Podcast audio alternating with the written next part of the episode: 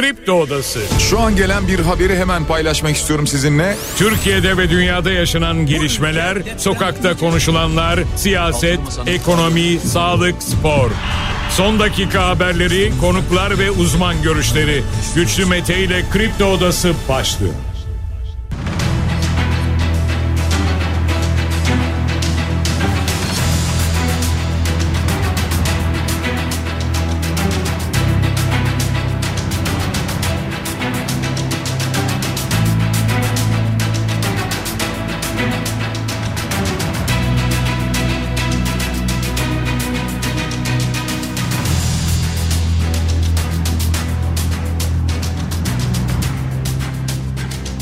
...25 Aralık pazartesi sabahından Kafa Radyo'dan Kripto Odası'ndan tüm Türkiye'ye yurt dışında bizi dinleyen dinleyicilerimize günaydın. Hepinize sağlıklı bir gün dileyerek programımıza başlıyoruz. Bugün de Kripto Odası'nda saat 10'a dek sizlerle birlikte olacağız. Gündemdeki başlıkları değerlendireceğiz. Sizler de görüşlerinizle fikirlerinizle programa katılmak isterseniz Twitter üzerinden güçlü mete yazarak bana ulaşabilirsiniz. WhatsApp hattımızın numarası 0532 172 52 32. Her zaman olduğu gibi gündemdeki başlıklarla başlıyoruz programımıza sevgili dinleyiciler. Şehit düşen 12 askerimiz memleketlerinde son yolculuklarına uğurlandı. Biraz sonra detaylarına bakacağız. Terör hedeflerinin vurulduğuna ilişkin verilen bir bilgi 30 teröristin etkisiz hale getirildiği duyuruldu. AKP ile CHP arasında bir ortak bildiri tartışması var terörle ilgili. CHP'li belediyeler kültür sanat etkinliklerini erteledi. Birazdan tüm bunların detaylarına yer vereceğiz kripto odasında. Siyasi partiler yerel seçimlere hazırlanıyorlar. Çeşitli görüşmeler ve çalışmalar gerçekleştiriyorlar. Bunları da paylaşacağız. Ali Babacan'dan Erdoğan'a bir mesaj var. Faizle ilgili bu mesaj çıkıp milletten özür dileyin dedi. 192 göçmen kaçakçılığı organizatörü yakalandı. Aynı zamanda onlarla beraber kaçak göçmenler de yakalandı. İçişleri Bakanı Ali Yerlikaya duyurdu. Çalışan emekliye 5 bin lira ikramiye. Bu hafta mecliste görüşülecek meclisin gündeminde yer alacak torba yasayla beraber. Akdeniz'de dün bir deprem meydana geldi 4.1 büyüklüğündeydi hemen ardından 3.9 büyüklüğünde bir deprem daha meydana geldi bir olumsuz ihbar gelmedi. Sabiha Gökçen Havalimanı'nın ikinci pisti bugün açılıyor sevgili dinleyiciler. Ağrı'da Ağrı Kültür ve Turizm Müdürü çocuk istismarı iddiasıyla tutuklandı. Kars'ta yurt yemeğinden zehirlenen 80 öğrenci hastanelik oldu. Ağrı'da yol açma çalışmasında bir facia meydana geldi. İki kişi hayatını kaybetti ve iki kişi de kayıp. 13 ilde eğitime kar engeli var. Bir yandan bunu da hatırlatalım. Birçok köy yolu yine ulaşıma kapandı. Biliyorsunuz dünkü derbi 0-0 sona erdi. Fenerbahçe Galatasaray maçı ve bu arada İstanbul Spor'a hükmen mağlubiyet ve 3 puan silme cezası verildi. Dolar 29 lira 12 kuruş, euro 32 lira 13 kuruş, gram altın 1916 lira. Bankaya baktığımızda fiyat farklı. Dolar 29 lira 76 kuruş, euro 32 lira 76 kuruş. Altının gramı 1959 lira.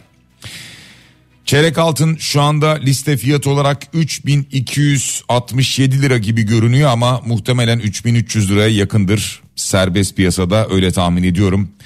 Borsa İstanbul geçtiğimiz haftayı bir düşüşle kapatmıştı. BIST endeksi 7557 puan seviyesinde. Yani o 8000 seviyesinden uzak bakalım haftaya nasıl başlayacak. Bitcoin'de 43.214 dolar karşılığını görüyoruz sevgili dinleyiciler. Gündemdeki başlıklar kısaca böyle sadece bu kadar değil bunları biraz sonra detaylandıracağız ama önce tabii ki şehitlerimizle başlıyoruz. Maalesef önce gelen 6 şehit haberi ardından bir 6 şehit haberi daha. 12 askerimizi kaybettik. Piyade Teğmen Ramazan Günay, Piyade Uzman Çavuş Mehmet Serinkan, Piyade uzman onbaşı İsmail Yazıcı. Piyade sözleşmeli er Çağatay Erenoğlu. Piyade sözleşmeli er Yasin Karaca. Piyade sözleşmeli er Emre Taşkın. Piyade uzman çavuş Ahmet Aslan. Piyade sözleşmeli er Kemal Aslan. Piyade sözleşmeli er Enes Budak. Piyade sözleşmeli er Semih Yılmaz. Piyade uzman çavuş Abdülkadir İyem. Piyade sözleşmeli er Cebrail Dündar. Şehit olan askerlerimizi Kafa Radyo'da da bir kez daha rahmetle anıyoruz. Saygıyla anıyoruz. Mekanları cennet olsun. Her zaman ateş düştüğü yeri yakar. En başta ailelerine ve yine yakın arkadaşlarına, silah arkadaşlarına sabır ve baş sağlığı dileklerimizi iletiyoruz. Türk milletinin başı sağ olsun. Evet, şehitlerimiz toprağa verildi. Dün memleketlerinde son yolculuklarına uğurlandılar. Aynı zamanda dün gelen haberler vardı Milli Savunma Bakanlığı'ndan. 30 teröristin etkisiz hale getirildiği yönünde. Irak ve Suriye'nin kuzeyine düzenlenen operasyonlar vardı. Bu operasyonlarda 29 noktanın vurulduğu bilgisi paylaşıldı.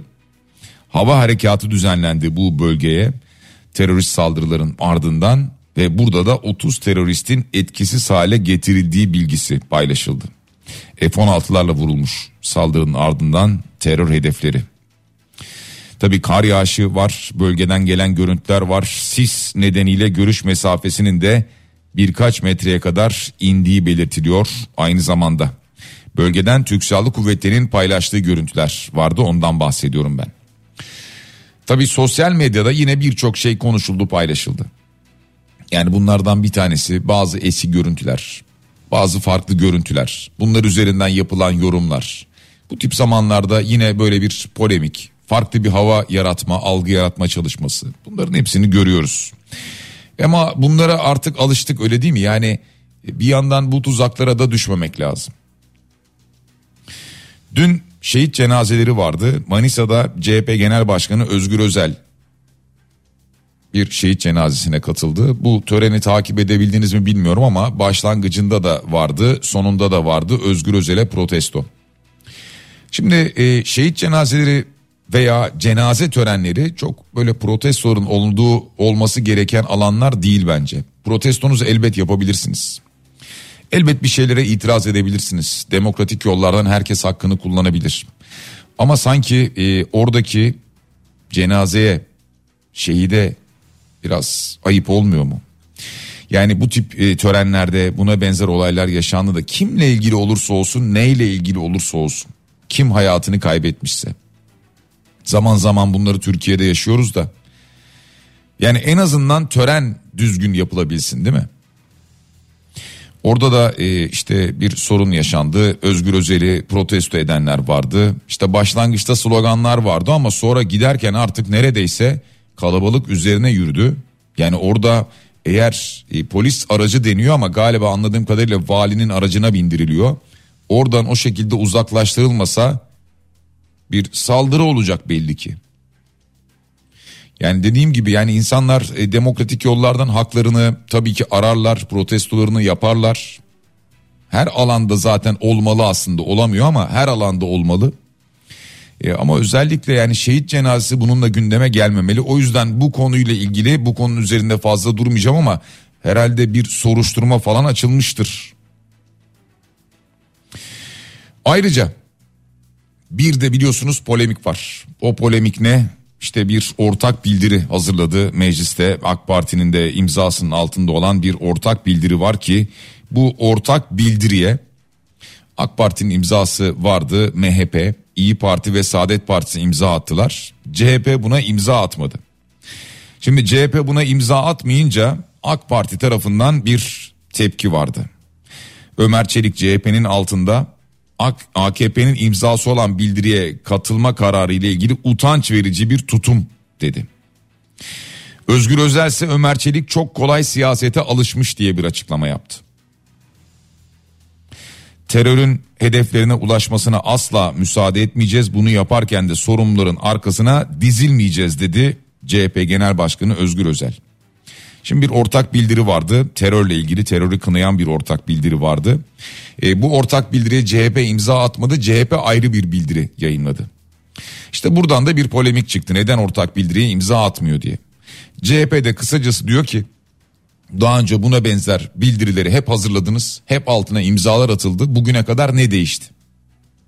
Biz kendi bildirimizi terörü daha da sert bir dille kınayarak lanetleyerek kendi bildirimizi kendimiz yayınlıyoruz dedi. Ama tabi siyasetin malzemesi olur bu. Bunun üzerine konuşulur. İşte vay niye imza atmadın? İşte ben ayrı bir şey söyledim. Bunlar konuşulur.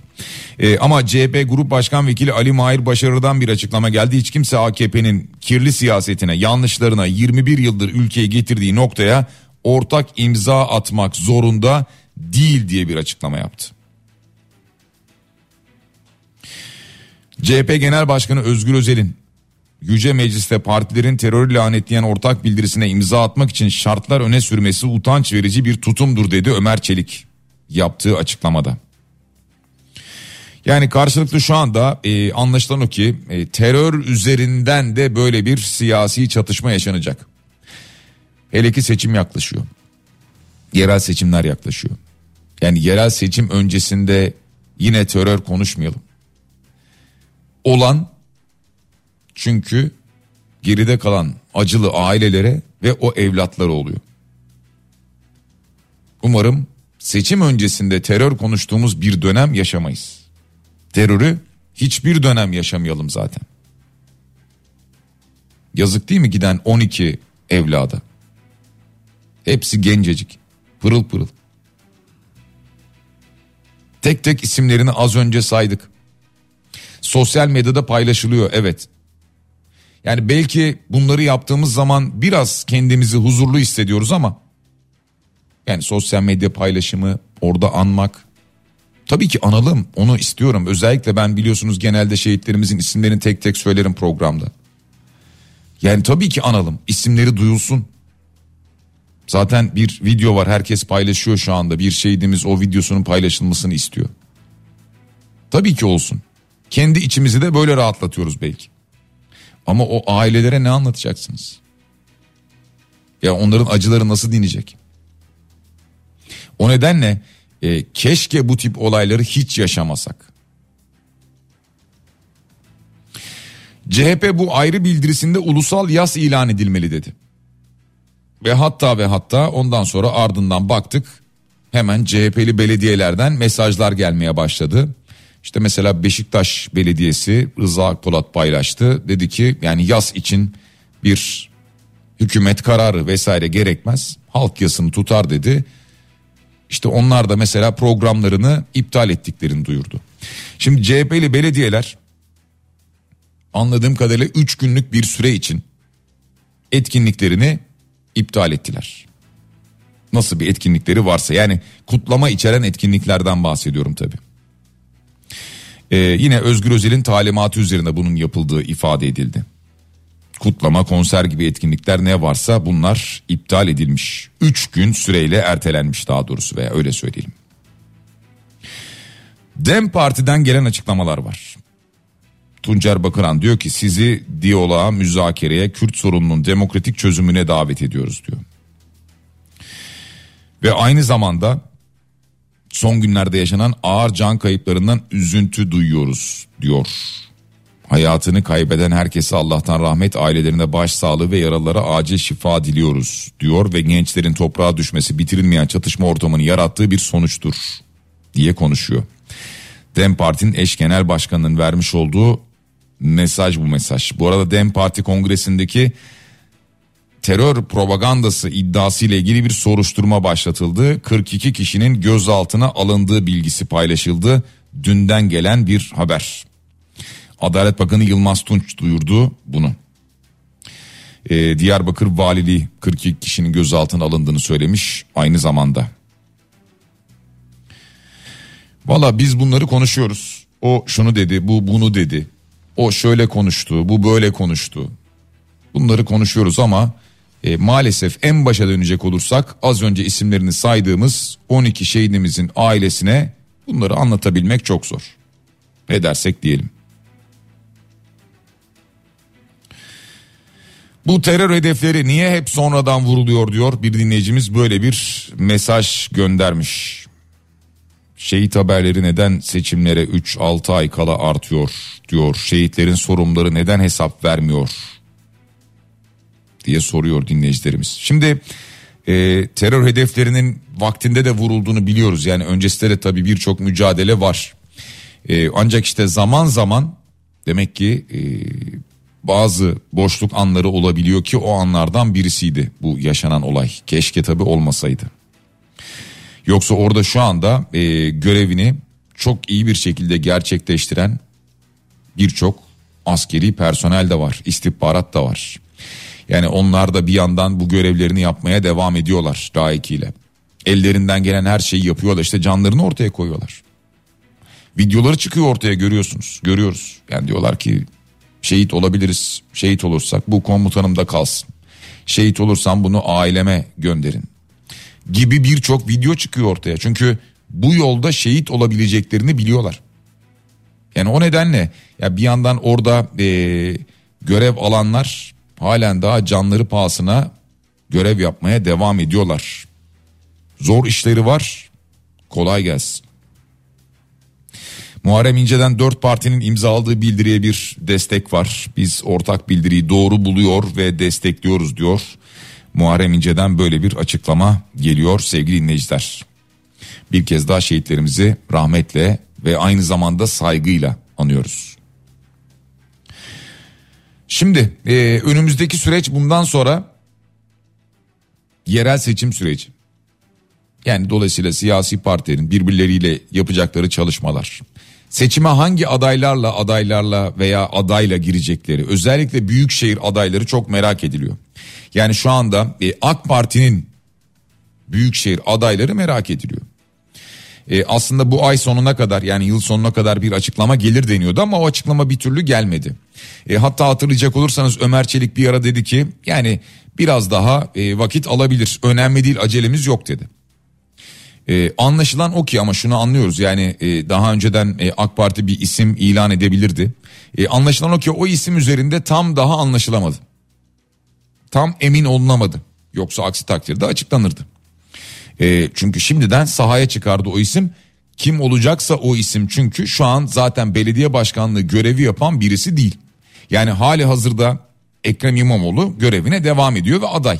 O dolayısıyla çalışmalarına devam ediyor ama karşısına çıkacak olan rakip dolayısıyla görev başında olan birisi olmadığı için İstanbul'da gelip mesela İstanbul için söylüyorum İstanbul'da gelip çalışma yapması gerekecek. Ha bir bakan olabilir eski bakan olabilir bilmiyorum yani birçok isim konuşuluyor biliyorsunuz. Yani e, Murat Kurum ismi gündemde biliyorsunuz. Bir ara e, Fahrettin Koca olabilir dendi. E, zaman zaman Tevfik Göksu'dan bahsediliyor. Bir ara Ali Yerlikaya'dan bahsedildi. E, yani İçişleri Bakanı e, bu kadar şu anda e, her gün e, operasyon e, haberi verirken e, sürekli olarak yani çalışıyor mesajı sürekli verilirken İçişleri Bakanlığı'ndan hani tekrar İstanbul'a dönüp de burada e, İstanbul için aday olur mu bilmiyorum. E, ama netice itibariyle AK Parti'nin tabii kendi alacağı karardır. E, göreceğiz nasıl bir karar çıkacak fakat şu ana kadar alınamadı o karar. Şimdi AK Parti heyetleri yeniden Refah Partisi ve Büyük Birlik Partisi temsilcileriyle bir araya gelecek. Yani bu haftanın programı içerisinde bunlar var. E, dolayısıyla nerelerde nasıl bir işbirliği yapılabilir, çalışma yapılabilir? Muhtemelen bunlar konuşulacak öyle tahmin ediyorum. Yine İyi Parti'de adayların belirlenmesi için çalışmalar bir yandan devam edecek. Biliyorsunuz İyi Parti herkese kapıyı kapatmış durumda. Ee, İyi Parti'de e, bir başkanlık divanı toplantısı olacak ki yani bu toplantıda muhtemelen iddia o ki Akşener'in il ziyaretlerinin yansımasına bakılacak ne oldu diye. Ee, ve 81 il ve tüm ilçelerde uygulanacak olan ittifaksız seçim kararının sahadaki duruma etkisi de konuşulacak. Konuşulacakmış veya program içerisinde bu yer alıyor İyi Parti'de. Ee, nasıl konuşulacak? Neler anlatılacak? E, yani vatandaşın düşüncesi gerçekten orada konuşulacak mı? Çeşitli saha anketleri yapıyor mu e, partiler kendi içlerinde? E, bu anketleri daha sonradan konuşuyorlar mı oturup bakıyorlar mı? İyi Parti'de gelen istifaların biliyorsunuz çoğunun sebebi yerel seçimde işbirliğine gitmiyor olmaktan kaynaklandı. Birçok istifa eden sonrasında bu açıklamayı yaptı.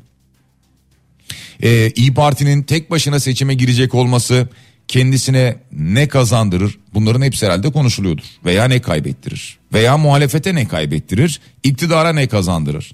Bunların hepsi herhalde konuşuluyordur diye tahmin ediyoruz. CHP'de biliyorsunuz bir aday tanıtım lansmanı yapılacak ki 27 Aralık'ta aslında yapılması bekleniyordu. Yani e, çarşamba günü yapılması bekleniyor. İstanbul'la ilgili söylüyorum bunu. E, İstanbul'da tabii başta Ekrem İmamoğlu olmak üzere tüm ilçelerin adayların açıklanması bekleniyor. 27 Aralık'tı tarih.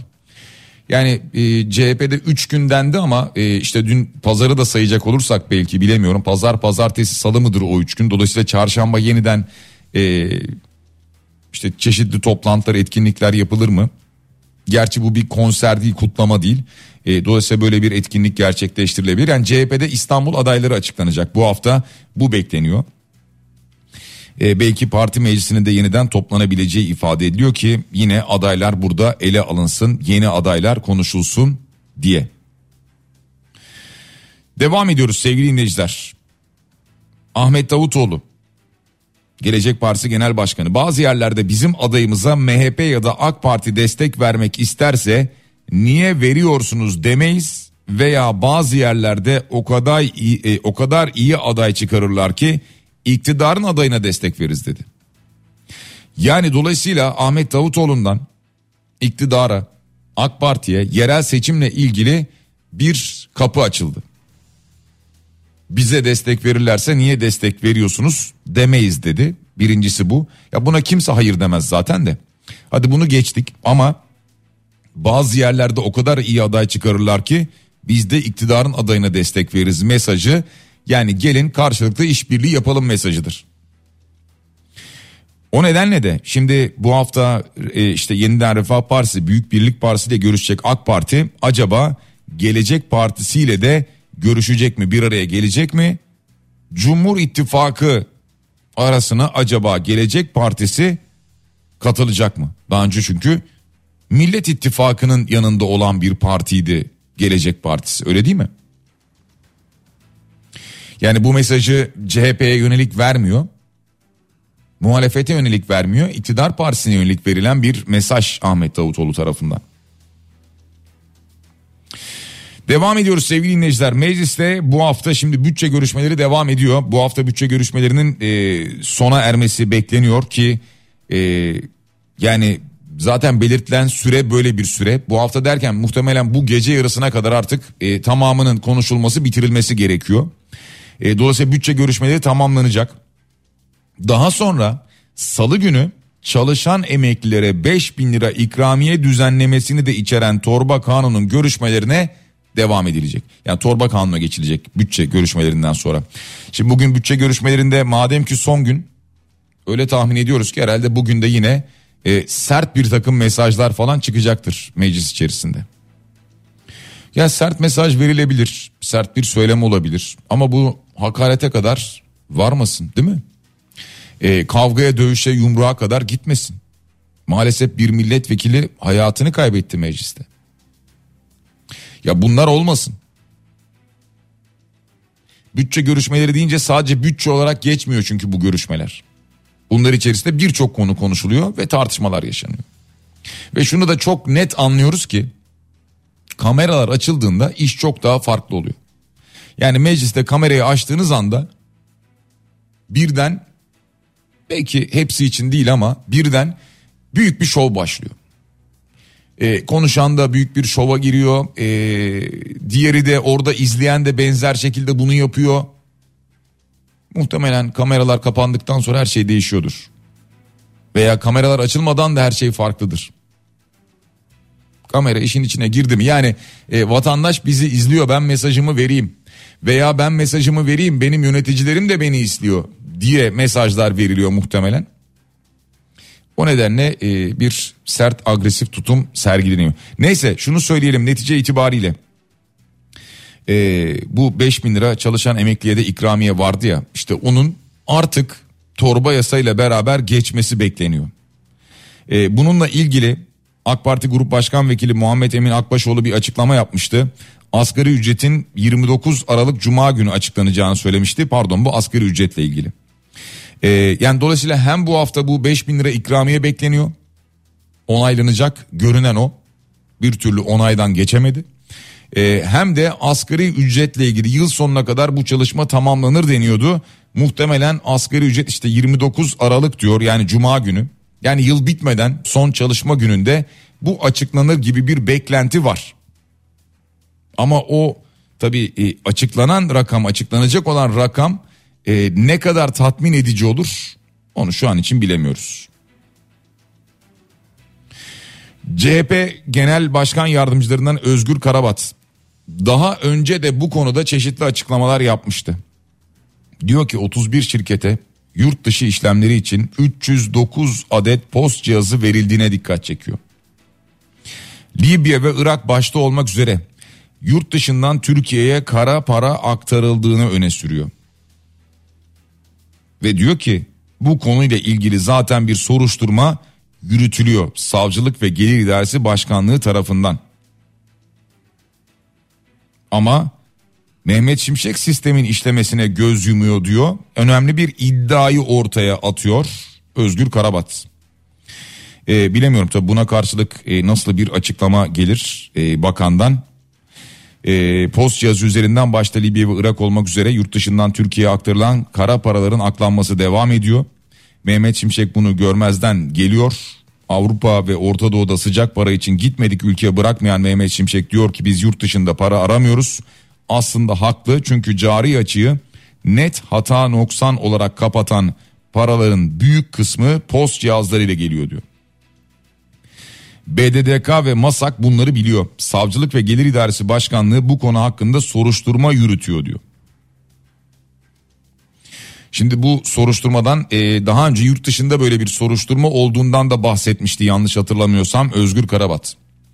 E, bu konu e, çokça sıkça gündeme gelmiyor. Belki o nedenle Hazine ve Maliye Bakanı'ndan bir açıklama gelmiyor.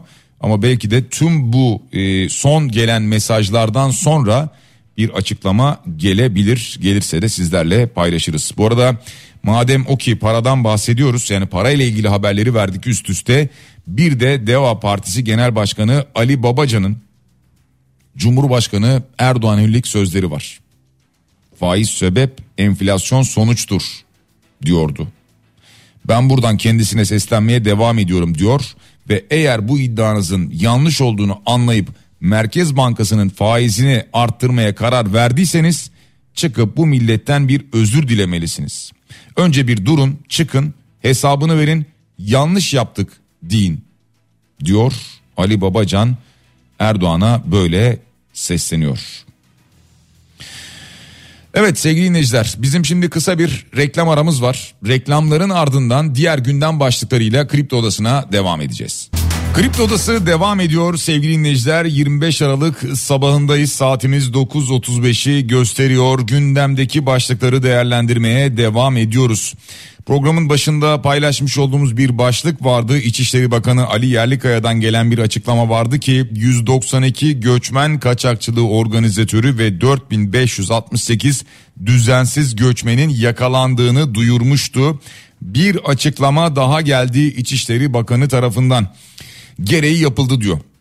Siber suçlarla mücadele daire başkanlığı tarafından yapılan çalışma sonrası sosyal medya platformu Twitter ya da yeni adıyla X'te kahraman ordumuza askerimize dil uzatan hakaret eden OK isimli şahıs Antalya Güvenlik Şube Müdürlüğümüz tarafından yakalandı diyor ve bu görüntülere yakalandığı anın ve Adalet Sarayı'na getiriliş anının görüntülerine yer veriyor. Aynı zamanda İçişleri Bakanı hatırlatalım bu haberi sevgili dinleyiciler.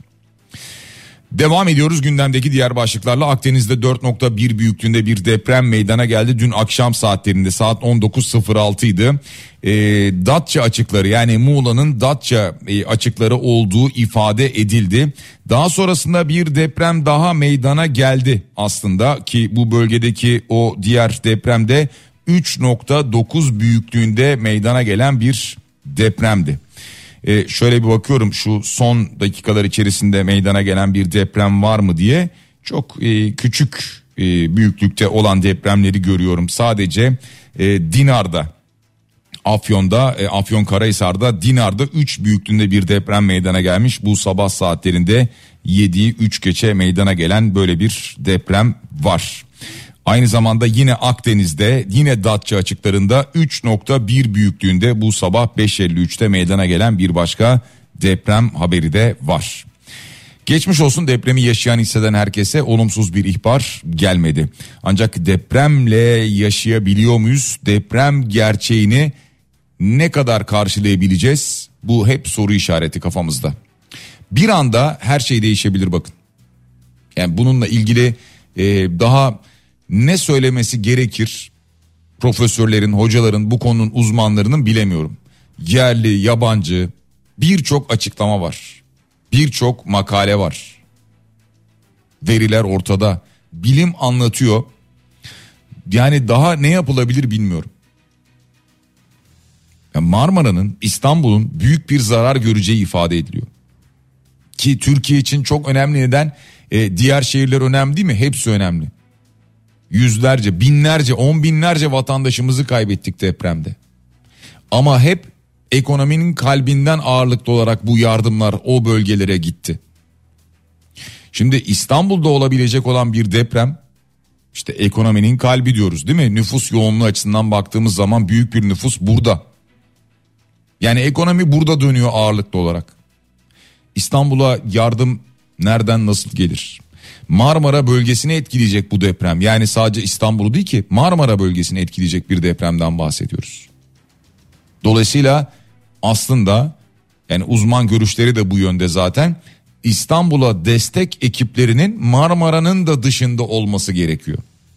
Ki aniden hızlıca harekete geçsinler. Deniyor ki İstanbul'da bir deprem olduğunda en az 3 gün size kimse ulaşamaz. Bulunduğunuz sokaktan çıkamazsınız eğer Tabii sağ kalırsak. Bulunduğunuz sokaktan çıkamazsınız diyorlar. Ya düşünsenize gerçekten hani bulunduğunuz sokaktan nasıl çıkarsınız? Ee, aracınıza ulaşabilir misiniz? Aracınız deprem altında kalmış olabilir mi? Binanızdan çıkabilir misiniz? Ya şimdi bunların hepsi böyle e, çok uzakmış gibi geliyor ama aslında ne kadar yakın olduğumuzu hep anlatıyorlar. Binanız yıkılmış olsa sağ kurtulmuş olsak nereye gideceksiniz ne yapacaksınız? Yani inanılmaz bir senaryodan da bahsediliyor çünkü. Yani bunu tabii, e, tabii ki vatandaş tek başına yapacak değil. Yani beklenti içerisinde vatandaş da ne yapsın? Yani insanlar e, tabii ki e, depreme dayanıklı, deprem dirençli binalarda yaşamak istiyorlar. E, kim istemez ki bunu?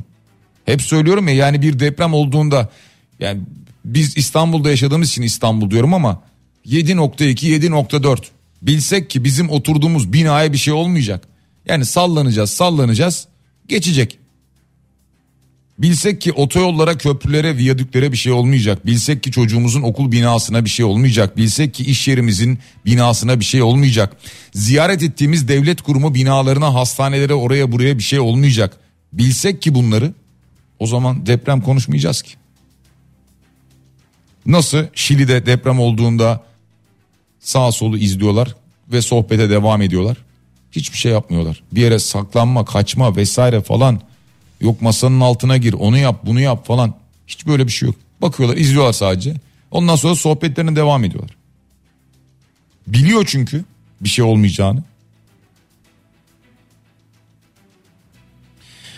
Sabiha Gökçen Havalimanı'nın ikinci pisti açılıyor sevgili dinleyiciler. Cumhurbaşkanı Erdoğan'ın katılımıyla hizmete açılacak.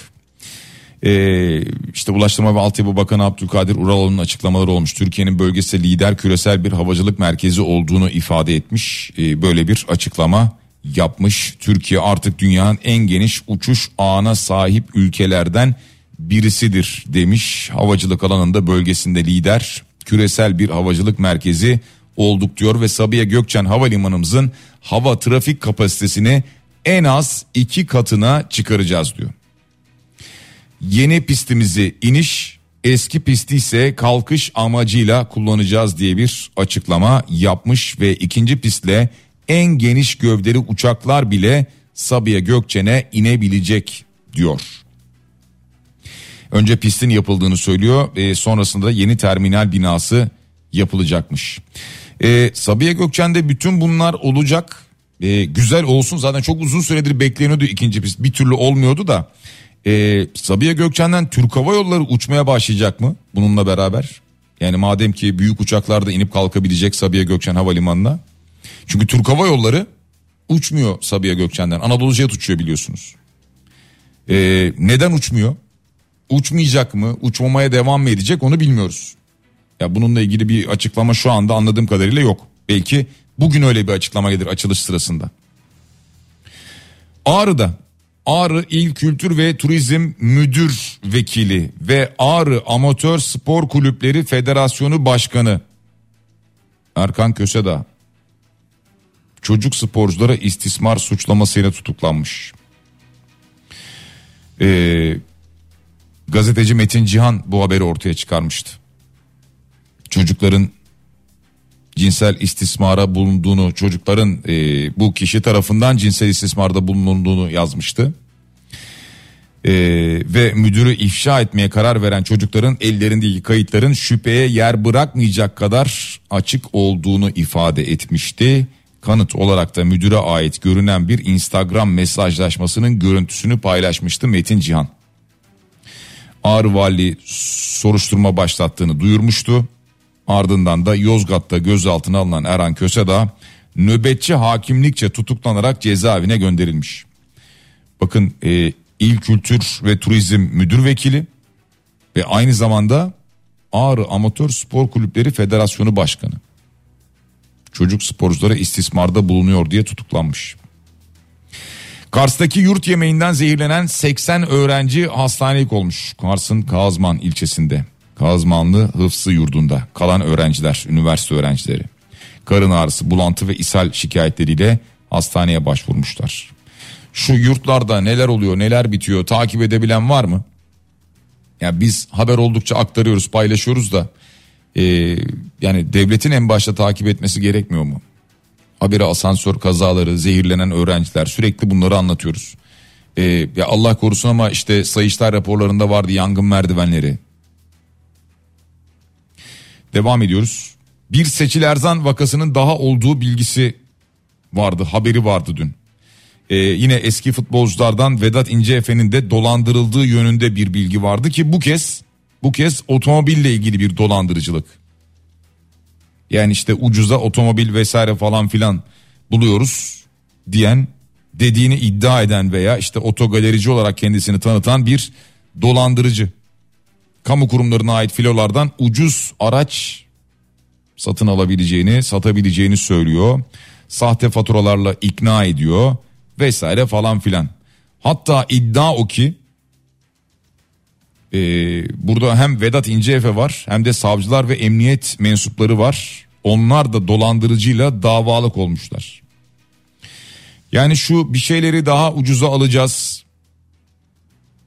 Özlemimiz var ya yani herkes onu o fiyata alırken ben bu fiyata alırım. Ee, herkes işte bankadan e, şu anda diyelim ki yüzde 40, 43, 45 faiz alırken ben birine parayı elden veririm yüzde 60 alırım, yüzde 80 alırım, yüzde 100 alırım. Durumu var ya. Veya işte herkes otomobil satın alırken o otomobili 2 milyon liraya alırken ben bunu 1 milyon liraya alırım. Yani şöyle bir e, aç gözlük var ya işte maalesef bu aç gözlük işte dolandırıcıların en büyük çıkış noktası oluyor. Onlar geldiği anda hemen tuzağa düşürüyorlar. Maalesef yine böyle bir olay yaşanmış. Geçtiğimiz hafta konuşuyorduk. Ee, Covid-19'un yeni bir e, türevi demiştik JN1. Ee, şimdi Profesör Doktor Alper Şener bir açıklama yapmış. Her varyant bizi birazcık diken üstünde tutsa da aşılı popülasyonların özellikle genç yaşta ise herhangi bir yandaş hastalığı yoksa çok korkacağı bir şey yok demiş. Yani panik olacak bir durum yok demek istiyor. Ülke genelinde 18 bini aşkın sürücüye işlem uygulanmış. Türkiye genelinde hız ihlali yaptığı belirlenen 18.356 araç ve sürücüsüne işlem uygulanmış. Hafta sonundan gelen bir başka haber bu haber. Bu arada trafikten bahsetmişken Şimdi meteoroloji 21 ili uyarıyor. Rüzgar, yağmur ve kar bekleniyor sevgili dinleyiciler. Ama bu arada Doğu Anadolu'da kar esareti başladı diyebiliriz. Her yıl verdiğimiz haberler bunlar benzer haberler. Van, Hakkari, Bitlis, Muş, Erzurum, Kars ve Ardahan'da toplam 621 yerleşim yerine ulaşım sağlanamıyor. 13 ilde eğitime kar engeli var. Doğu Anadolu'dan gelen kar engeli haberleri eğitimle ilgili ve aynı zamanda maalesef Ağrı'da yol açma çalışmasında bir facia yaşanıyor. İşte o yolu açmaya giden iş makinesi uçurumdan yuvarlanıyor. Bu kazada iki kişi ölüyor. Fakat e, bu araçta iş makinesinde dört kişi vardı deniyor. Dolayısıyla iki kişi kayıp. O iki kişi arama çalışmaları bir yandan devam ediyor. Biz yavaş yavaş programın sonuna yaklaşıyoruz sevgili dinleyiciler. E, dün oynanan derbi mücadelesinden sonra bugün de oynanacak maçlar var ama şu anda bugün oynanacak maçlar zirveyi değiştirmeyecek. Yani Fenerbahçe ve Galatasaray 44'er puanda Fenerbahçe averajla şu anda lider durumda. Trabzonspor'u 3. görüyoruz. Kayseri Spor 4. Adana Demirspor 5. Beşiktaş 6. sırada. Beşiktaş'ın bugün deplasmanda Hatay Spor maçı var.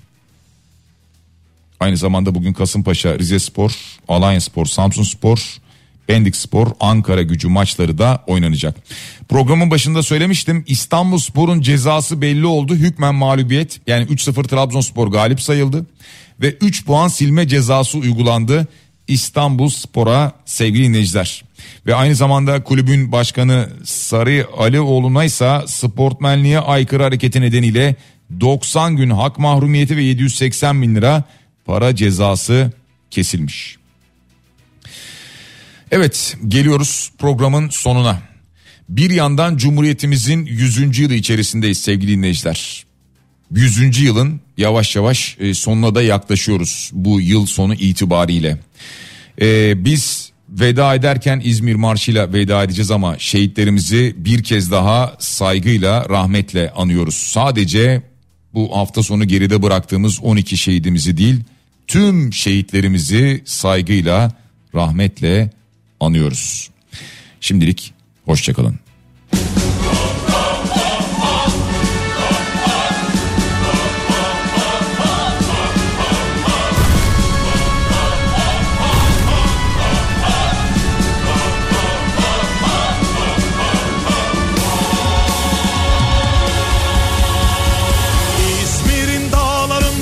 Çiçekler açar. İzmir'in dağlarında çiçekler açar. Altın güneş orada sırmalar saçar. Altın güneş orada sırmalar saçar. Bozulmuş düşmanlar yel gibi kaçar. Bozulmuş düşmanlar yel gibi kaçar. Yaşa Mustafa Kemal Paşa yaşa. Adın yazılacak mücevher taşa. Yaşa Mustafa Kemal Paşa yaşa. Adın yazılacak mücevher taşa.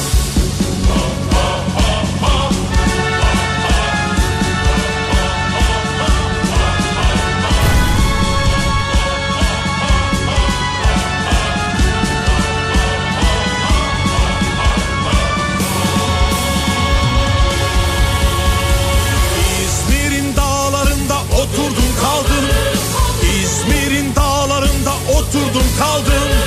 Şehit olanları deftere yazdım. Şehit olanları deftere yazdım. Öksüz yavruları bağrıma bastım.